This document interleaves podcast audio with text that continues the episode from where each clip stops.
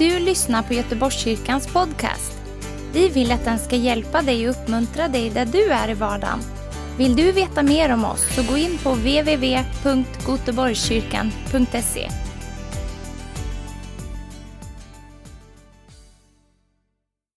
Vi har ju tema hopp under advent. Vi behöver hopp, eller hur?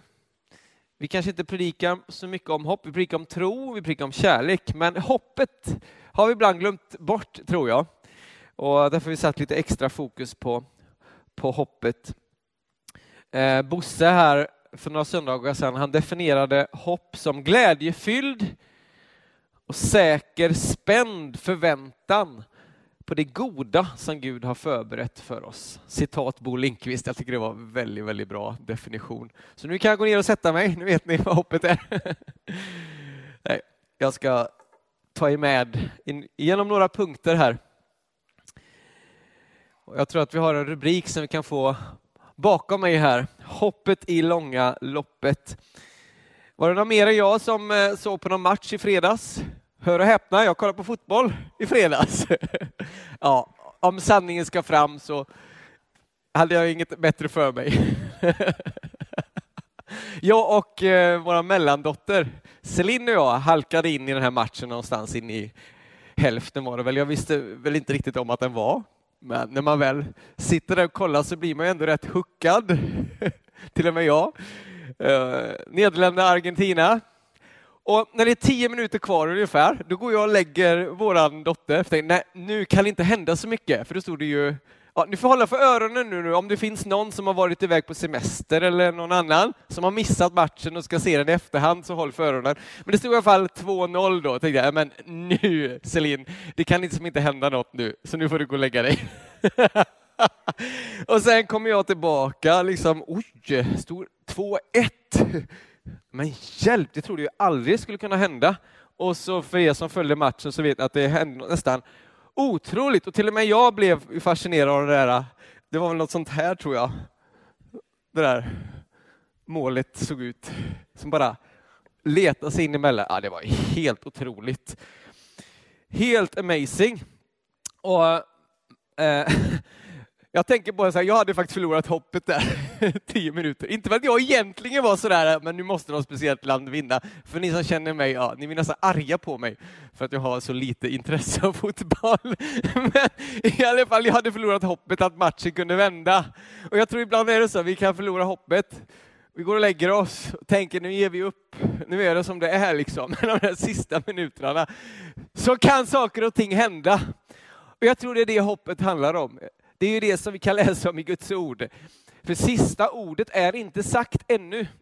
I världen, i våra liv, i så många olika situationer och omständigheter. Därför ska vi liksom stanna kvar, vi ska inte gå och lägga oss, eller hur? Och tänka att nu är det som det är. Utan vi ska hålla oss vakna, säger Guds ord. Och vi ska fortsätta att hålla hoppet levande i våra hjärtan, för vi vet att vi kommer att vara med och segra och vi är på den segrandes sida. På Guds sida, och han har seger för oss. Amen. Det här är inget peptalk, det här är sanning. Det är realitet, det är vad Guds ord säger till oss. Sen är det bra att vi också blir peppade. Apropå idrott då. Eh, ja, för många år sedan, ett, jag har skrivit några år sedan, antal år sedan, ja, ganska många, så joggade jag en hel del. Jag hade fått en bra vana som jag tappade sen. Men i alla fall, eh, var ute och sprang en hel del.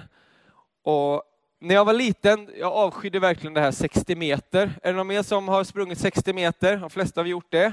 Man ska ju springa de här 60 metrarna på så fort man bara kan. Och jag var verkligen ingen explosiv kille på den tiden. Lite mer explosiv nu.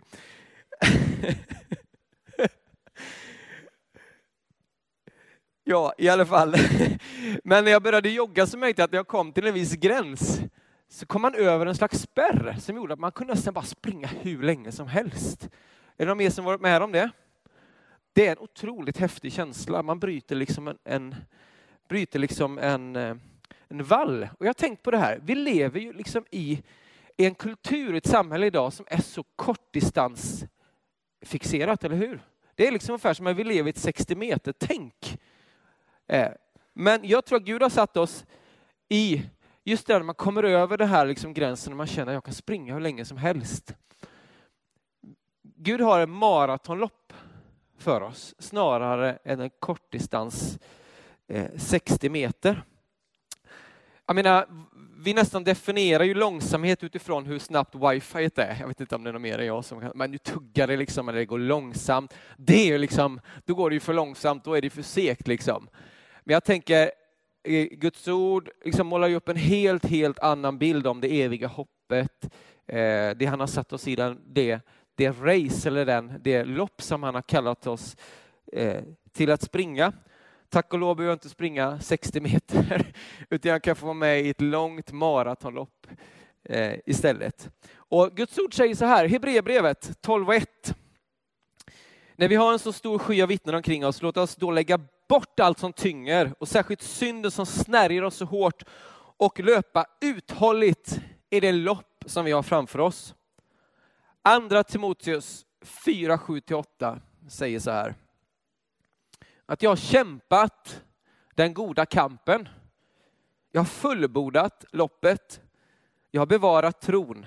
Nu väntar mig rättfärdighetens segerkrans. Den ska Herren, den rättfärdige domaren, ge mig på den dagen. Och inte bara mig, utan alla som älskar hans återkomst. Det är lätt att bli imponerad av storslagna visioner eller någon som liksom går hårt ut i början. Men jag blir mer imponerad av de som faktiskt stannar kvar och är uthålliga till slutet. Som, som fortsätter, stanna kvar, fullborda sin kallelse. Eh, jag tänker på ibland, man kan ringa olika vänner. Man har personer man har känt under olika perioder i sitt liv. Och så finns de där. Du kanske har någon sån vän. Du ringer eller du träffar den här personen. Jag träffade en på en badstrand för några år sedan som bor i Norge nu. Halleluja Norge. Vi har någon mer som gillar Norge tror jag. Och så, det var som att vi, vi hade liksom inte varit ifrån varandra. När vi pratade så bara märkte jag att det är precis samma hjärta. Det är precis samma brand för Gud. Det är precis samma liksom överlåtelse. En annan mognad, livet hade format och alltihop. Det var barn och familj. Och, men det liksom var som att man pratade med samma person. Fast det var lite mindre hår där och lite mer där. Och det var liksom bara, wow, fascinerande människor som bara fortsätter att tjäna Gud. Som inte bara säger, jag ska vinna världen och jag ska göra det här och sen så liksom blev det ingenting. Det kanske inte var det storslagna, det kanske inte var, hade vunnit världen, men det var, han hade fortsatt att bara tjäna Gud, byggde församling, var med och betjänade på olika sätt. Jag tycker det är fantastiskt. Och nu ska vi se, jag ska faktiskt ge er fyra punkter idag. Jag har tänkt på fyra olika saker som kan hjälpa oss att leva så. Att behålla eh, hoppet i långa loppet. Och nummer ett skulle jag vilja säga det är att leva med just det här evighetsperspektivet. I första Thessalonikerbrevet 4.13 står det bröder, vi vill att ni ska veta hur det blir med dem som har insomnat så att ni inte sörjer som de andra. De som inte har något hopp. För någon vecka sedan eller två så stod jag och pratade med en granne. Eh, hon tar hand om sina föräldrar jättemycket och mamman har, har fått cancer och vi står där vid sopåtervinningscentralen och så pratar vi. Och jag vet att hon, har en, en, hon är ortodox, hon har en tro på Gud. Men hon har också en levande tro på Gud, liksom, en tro på Jesus som frälsaren. Och så säger hon det här, ja men det är sån skillnad, vi som har ett hopp. och jag bara, yes, exakt! För det är inte bara ett svart hål. Det är inte bara ett utslocknande, utan det finns ett evighetsperspektiv. Ja, vi sörjer. Ja, det finns smärta. Ja, det finns gråt. Det är självklart. Jag tänker redan nu, jag kommer sakna mina föräldrar så oerhört den dagen. Och jag har liksom redan svårt för att tänka mig liksom, hur det kommer bli, men jag vet att det kommer inte vara en sorg som de som sörjer som inte har ett hopp. För jag vet att vi kommer ses igen och jag tycker det är en sån tröst. Och jag pratade faktiskt med min mamma här under veckan. Hon, Hon har ju problem med sjukdom och verkligen har det tufft, har problem med synen, har inte mycket syn kvar. Och jag frågar men känner du liksom inte ångest eller oro? Eller liksom, nej, jag gör faktiskt inte det. För jag känner liksom, jag hoppas jag ska få behålla den syn jag har. Och liksom, hon vet att det, det finns liksom ett annat perspektiv, ett längre perspektiv. Och jag är tacksam över det livet jag fått ha. Och jag tycker det är så stort, det är så starkt att höra en, en person som, som lever med ett evighetsperspektiv, liksom levande. Jag skrev så här att leva med evigheten gör oss inte världsfrånvända eller ställer oss på paus, utan ger oss rätt perspektiv och får oss att leva livet fullt ut. Jag tycker själv det lät väldigt bra. För jag tror inte att bara för vi lever liksom där borta så får det alltså att inte pausa livet här, utan jag tror att vi istället kan uppskatta livet, vi kan leva det fullt ut med rätt perspektiv här på jorden. Eh, men ändå någonstans ha ett sikte inställt på beyond. Redan här, men ändå inte. Vi kommer få se liksom en, en full, fullkomlighet en, en dag. Ni som kör bil eller ni som kanske har siktat på någonting, kanske skjutit pilbåge. Ni vet att om ni skulle sikta här framme så är det väldigt svårt att komma rätt. Skulle jag sikta på närmsta stolpe eller närmsta linje i vägen när jag kör bil så skulle det bli väldigt vingligt. Hur gör man när man kör bil? Om man sätter siktet långt fram. Och då får man en något sånär förhoppningsvis stabil körning, beror på vem som sitter vid ratten kanske också. Men då vet vi att också pilen hamnar rätt. Jag tror att om vi siktar in i evigheten, då får vi rätt perspektiv också på livet här och det vi gör här och den resa vi har här. Jag tror att många lever idag också i en ständig flykt faktiskt ifrån just evigheten, tanken på döden. Och, och många ser ju döden som liksom, det är verkligen slut, det är ett bottenlöst hål, det är liksom bara svart. Och jag tror att en hel del av den ångest vi ser i samhället idag faktiskt beror på det. Och så undrar vi varför finns det så mycket ångest bland unga idag? Ja, men jag tror en stor del är att vi har monterat bort Gud i vårt samhälle. Vi har monterat ner hela den grunden vi står på. Vi har monterat bort evighetsperspektivet. Och vad kan vi då göra? Jo, konsumera, fylla våra behov, försöka bara få ut så mycket glädje vi bara kan här och nu. Men jag tycker att det blir en oerhörd stress, eller hur? Det är inte konstigt att det kommer ångest. Och jag säger inte att inte kristna kan ha ångest och att vi kan ha problem med psykisk ohälsa, det är inte det jag säger. Det finns självklart en brottning där, men jag tror att väldigt, väldigt mycket av det här liksom, det finns ingen, ingenting att stå på. Därför behöver vi Gud i vårt samhälle. Amen, precis. Och så bara kort, det finns också en tröst i att det faktiskt eh, kommer en yttersta dom. Jag tänker det perspektivet också, evighetsperspektivet. Eh, det finns ett hopp i att Gud en gång kommer också döma den här världen. Vi satt i samtal förra helgen med någon som ställde just den här frågan, all ondska i världen, hur kan det finnas en god Gud när det ser ut som det gör? Och det var ett långt samtal, det finns inga snabba, det finns snabba svar, men det, det, det, det, det är en komplex och stor fråga. Så att det går liksom inte att ge ett, ett snabbt fullkomligt svar i det. Men en tröst i det, det är att vi vet att han nämligen en dag har bestämt, som det står i Apostlagärningarna 17, där han ska döma världen med rättfärdighet genom en man som han utsett, alltså Jesus Kristus. Och han har erbjudit tron åt alla genom att uppväcka honom från de döda. Och vi vet att Gud en dag kommer ta tag i all orättfärdighet och kommer komma en rättvis dom en dag. Och det ger också hopp tycker jag, när man ser ondska, eh, orättfärdighet, så vet vi att det, där vi inte kan liksom göra någonting åt. Vi kan inte liksom verkställa fullkomlig rättvisa i den här världen. Men Gud kommer göra det en dag. Han kommer döma rättvist. Nu ska du få den andra punkten. Jag tror vi får den här också. Punkt nummer två. Det är något riktigt gammalt och rostigt där på den bilden. Det är en bild på ett ankare. Förankrade i hoppet. Hebreerbrevet 6 och 19 säger i detta hopp har vi tryggt och säkert själens ankare som når innanför förlåten. Det är väldigt lätt att drifta iväg, har du märkt det? Och när det stormar, då behöver vi kunna förankra någonstans så att vi vet att vi inte bara kastas in i klipporna och det går sönder.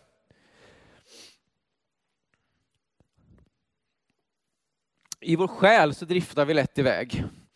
Och vi behöver liksom grunda, grunda oss någonstans.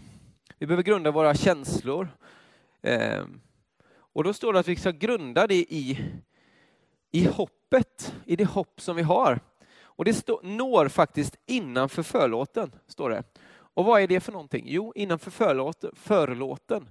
Det var ju det täcke, det tjocka draperi som hängde eh, framför det allra heligaste. Det överste prästen gick in en gång om året med, med, med offer. Och vi vet att Jesus Kristus, han gick in med sitt fullkomliga blod eh, och det förränget rämnade och idag finns det en öppen väg in till det som finns där. Och vad är det som finns där? Det är Guds närvaro.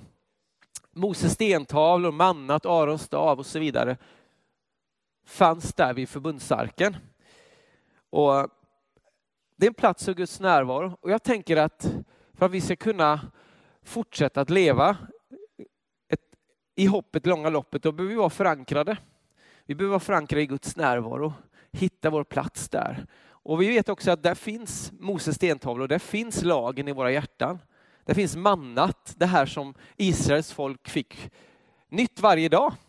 Och jag tänker kopplat till Fader vår också, så är det just den här bönen. Herre, ge oss idag vårt dag för, för den dagen som kommer. Ge oss det vi behöver idag. Och att ha vår trygghet i, i elkriser, i skakiga tider. Jag tror vi alla känner av det på olika sätt idag, att vi lever i skakiga tider. Tänk att vi får ha vår trygghet, vårt ankare innanför förlåten i Guds närvaro, där vi vet att han har mannat för varje dag. Han har liksom sin egna vilja för oss varje dag. Vi kan söka Guds vilja, hans lag planterat i våra hjärtan. Och det är en otrolig trygghet att hela tiden bara gå tillbaka till och veta att jag är förankrad. En båt ute på stort hav. Ibland kan det vara svårt att veta var vi befinner oss. Men om vi förankrar det innanför förlåten, då tror jag också att i Guds närvaro så kan vi avgöra i oroliga tider eh, var vi befinner oss och navigera och förhålla oss också till den värld vi lever i på ett bra sätt. Och första Timoteus 6 och 17 säger också att vi inte ska sätta vår, vårt hopp till något så osäkert som rikedom. Det står uppmana de som är rika i den här världen att inte vara högmodiga eller sätta sitt hopp till något sånt osäkert som rikedom, utan till Gud som rikligt ger oss allt att njuta av. Det här är första Timoteus 6 och 17.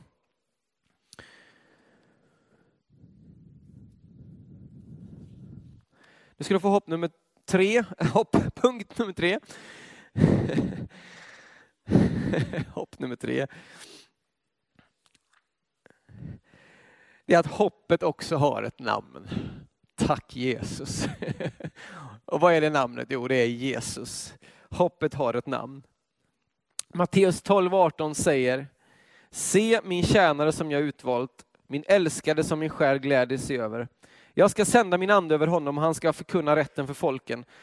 Han ska inte gräla eller ropa, ingen ska höra hans röst på gatorna. Ett brutet strå ska han inte krossa, en rykande veke ska han inte släcka. Fram till det att han har fört rätten till seger. Och hans namn, till hans namn ska folken sätta sitt hopp. Hebreerbrevet 10.23 säger Låt oss orubbligt hålla fast vid hoppets bekännelse för han som har gett oss löftet är trofast.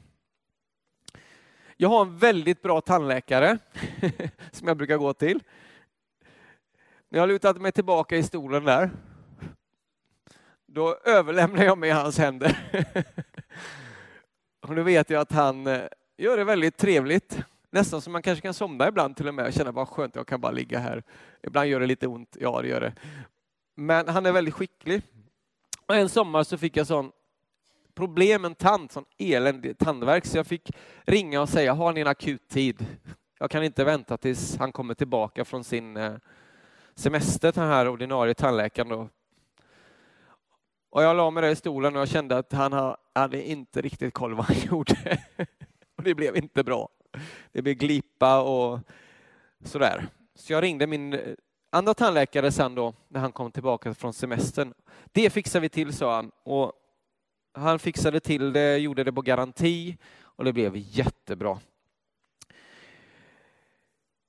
Och Vad var det som gjorde att jag kunde luta mig tillbaka när jag kom till min riktiga tandläkare? Jo, att jag litade på honom. Jag visste att han är duktig på det han gör.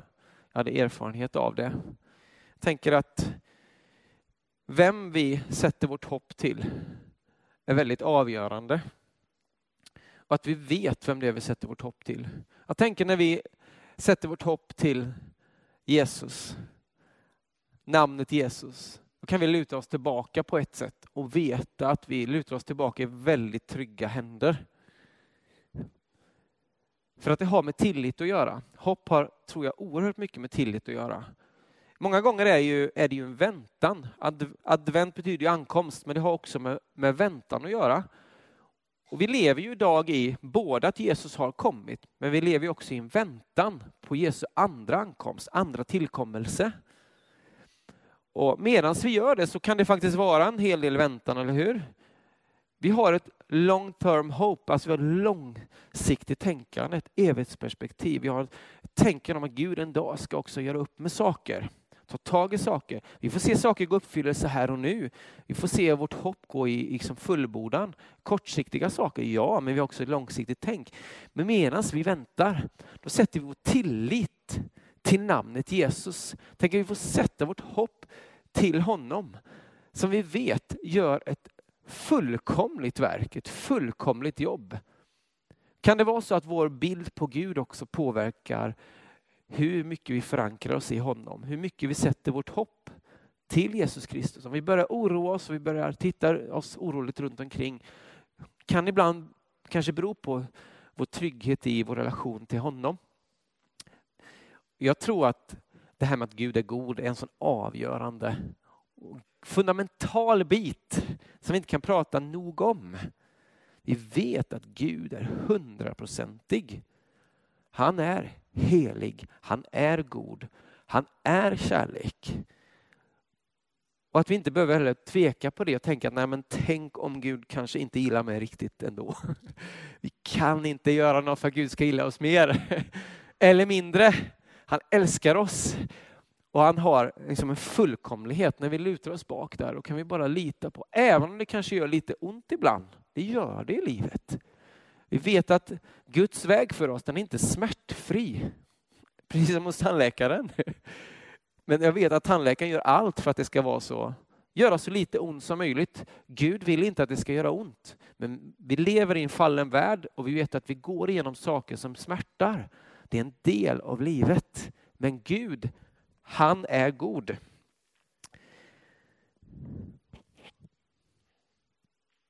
Där hoppet var ute hoppades han ändå, står det om Abraham i Romarbrevet 4.18. Och trodde och blev så far till många folk. Som det var sagt, så ska din avkomma bli. Han vacklade inte tron när han tänkte på sin döda kropp. Han var omkring hundra år och Saras moderliv var dött. Han tvivlade inte otro på Guds löften utan blev istället starkare i tron och gav Gud äran. Fullt övertygad om vad Gud hade lovat var han också mäktig att hålla. Du kanske känner att hoppet är ute eller hoppet håller på att rinna ut, sina ut. Jag har verkligen känt i förberedelserna inför den här gudstjänsten idag att jag tror att Gud vill komma och väcka nytt hopp hos några speciellt idag som behöver höra det här. För det hoppet var, det var faktiskt ute. Abraham och Sara de hade faktiskt inga liksom, egentliga mänskliga egenskaper att kunna bli med barn. Men hela Israels vagga vilar på detta, på Guds mirakel. I hela Israels folk kommer utifrån att där allt hopp var ute, där trodde han ändå och blev så far till många folk. Jag tänker så här att vi också ska räkna med att vi tror på en, en, en, övernaturlig Gud. En Gud som kan göra under. En Gud som kan göra mirakel där allt ser hopplöst ut. Där kan han komma in med sitt liv in i de situationerna. Där allt är begränsat av mänskliga omständigheter. Där kan hoppet väckas igen och där kan Gud komma in och göra ett under och faktiskt, som det står, inte utsläcka, som vi läste precis här, den rykande veken. När ljuset håller på att slockna så bara kommer det där elden där igen. Eller där, det här strået som är så svagt, du vet, man håller det, det hänger liksom på, bara vikt så här. Och det är på en skör tråd. Men han ska inte bryta det. Han ska inte tänka att nej men då är det lika bra vi bara drar isär det och kastar det och bränner upp det. Nej, för Gud han kan komma med nytt hopp. Han kan återupprätta det, han kan göra det starkt igen. Och han kan tända elden igen där det håller på att slockna. Du kanske känner att relationen till Gud börjar slockna. Eller något som Gud har talat om, din framtid, någonting du känner att det håller på att börja slockna. Men jag tror att Gud vill komma idag och tända nytt hopp. Vi ska få med den sista punkten också. Jag tänker ibland kan det här när vi pratar om evighet, vi pratar om lidande, långsiktigt tänkande. Jag tror det är en ingrediens som behövs för att vi i det, precis som jag sa, ska leva liksom våra liv fullt ut. Och det vi behöver glädje. Och hopp är faktiskt glädje. Glädje eller hopp har med glädje att göra, det hänger samman. Elpis då, som är hopp på grekiska, det betyder, det är lite svårt och exakt, men ungefär att förutse eller se fram emot något med glädje. Tittar lite på första Korinthierbrevet 13 och 13, där det också står om tron, hoppet och kärleken. Och där är ju tro i pistis. Och det har ju med tilliten till Gud att göra. Och hoppet och elpis, det är glädjen i det, i den tilliten, glädjen i, den, i det tron ser. Bosse definierade det när han talade första gången om hopp ungefär som en spänd pilbåge. Det är spänningen i det här liksom, strängen när man spänner ut. Det finns en stuns, det finns en kraft, det finns någonting där. Eh, där vi ser det som Gud har förberett. Och jag tror att tron väcker ju också upp hoppet. Så utan tro är det, är det väldigt svårt att ha hopp. Så därför hänger de här sakerna, tron och hoppet, så starkt samman. Jag tror också därför Paulus lyfter de här tre. Men utan kärleken så blir det heller inte ett utflöde. För jag tror att tron och hoppets utflöde är liksom kärleken. Det är ett flöde till Gud och flödet oss emellan. Så här behöver vi alla tre. Och jag tror vi behöver både glädjen i hoppet liksom här på jorden, men också det som sträcker sig längre fram. Och jag tror att också det här verkar. Jag tror att glädjen för det som ska komma, det ger ju oss att vi orkar och förstår och kan relatera till smärta och lidande. Det eviga hoppet. Eh, men jag tänker också att det ger en glädje, det ger en glädje här och nu. Men också att vi kan ha hopp och glädje och förväntan på de mirakler som Gud ska göra. Jag tänker att jag har ett hopp. Jag har en glädje och en förväntan på vad Gud ska göra i vårt land. Jag är helt övertygad om att Gud håller på att skaka om Sverige idag. Gud håller på att skaka om eh, för att väcka upp liksom en längtan efter andra värden än bara materialism, eller hur? Jag, tittade på det här programmet Sverige i, för några dagar sedan. Det kom ett avsnitt med Amadeus Sörgard var med där och intervjuades. Carola och Runars son, han fotbollsspelaren som också har en väldigt stark bekännelse på Gud. Och programmet handlade faktiskt om, finns det ett nytt andligt liksom, intresse i Sverige idag? Det var liksom det det handlade om. Och det är klart, de hade med någon sån här shamanaktig med då såklart. Så, men när jag såg det här så, de kunde konstatera att det har blivit liksom, de pratar om liksom att det har blivit inne att vara kristen och så här. Jag blir så glad när jag såg det här programmet, för jag kan verkligen hålla med om att jag tror att Gud håller på att göra någonting. Han håller på att väcka upp ett andlig längtan i Sverige idag. Och vi ser människor som börjar som vända sig till Gud och vi ser en, en, en andlig hunger. Och jag tror inte att vi ska vara rädda för att bara, ja men då går bara människor till new age och massa annat. Jag, jag tror att i det här så ska ju vi som församling predika Jesus. När människor är mottagna, när det finns en andlig hunger och öppenhet och man sträcker sig efter någonting mer. När det skakar i världen så är det klart att människor sträcker sig efter någonting mer. Och jag menar, vi kan inte, det är klart när vi monterar ner Gud i samhället som jag sa, det är klart att det gör någonting. Det blir en konsekvens av det. Men vi kan få med montera upp Gud igen bland människor som söker honom. Och jag tycker det är fantastiskt att det är så. Jag tror verkligen på ett, ett hopp för Sverige. Jag tror verkligen på ett uppvaknande. Jag tror på en ung generation idag som söker sig efter andra värden än bara det som kanske föräldragenerationen satte sin trygghet i. Välfärd, eh, materialism och så vidare. Det går bra nu. Jag tror verkligen att det är så. Fröjd i Herren är vår starkhet. Herren är min starkhet och min lovsång. Psalm 118 och 14. Han blev min frälsning. Romarbrevet 12 och 12. Var glada i hoppet. Ni hänger kanske inte med med bibeln på skärmen här, det är helt okej, okay, för jag citerar lite snabbt här bara. Romarbrevet 15 och 13. Må nu hoppets Gud fylla er med all glädje och frid i tron, så att ni överflödar i hoppet genom den helige Andes kraft. Nu får jag be lovsångarna komma upp här. Och därför så tror jag också kanske att det är därför, det är därför Paulus ber i Efesierbrevet 1 och 18. Jag citerade det här i förra söndagen också. Jag ber att era hjärtans ögon ska få ljus så att ni förstår vilket hopp han har kallat er till. Hur rikt och härligt hans arv är bland de heliga. Må nu hoppets Gud fylla er med all glädje och frid i tron så att ni överflödar i hoppet.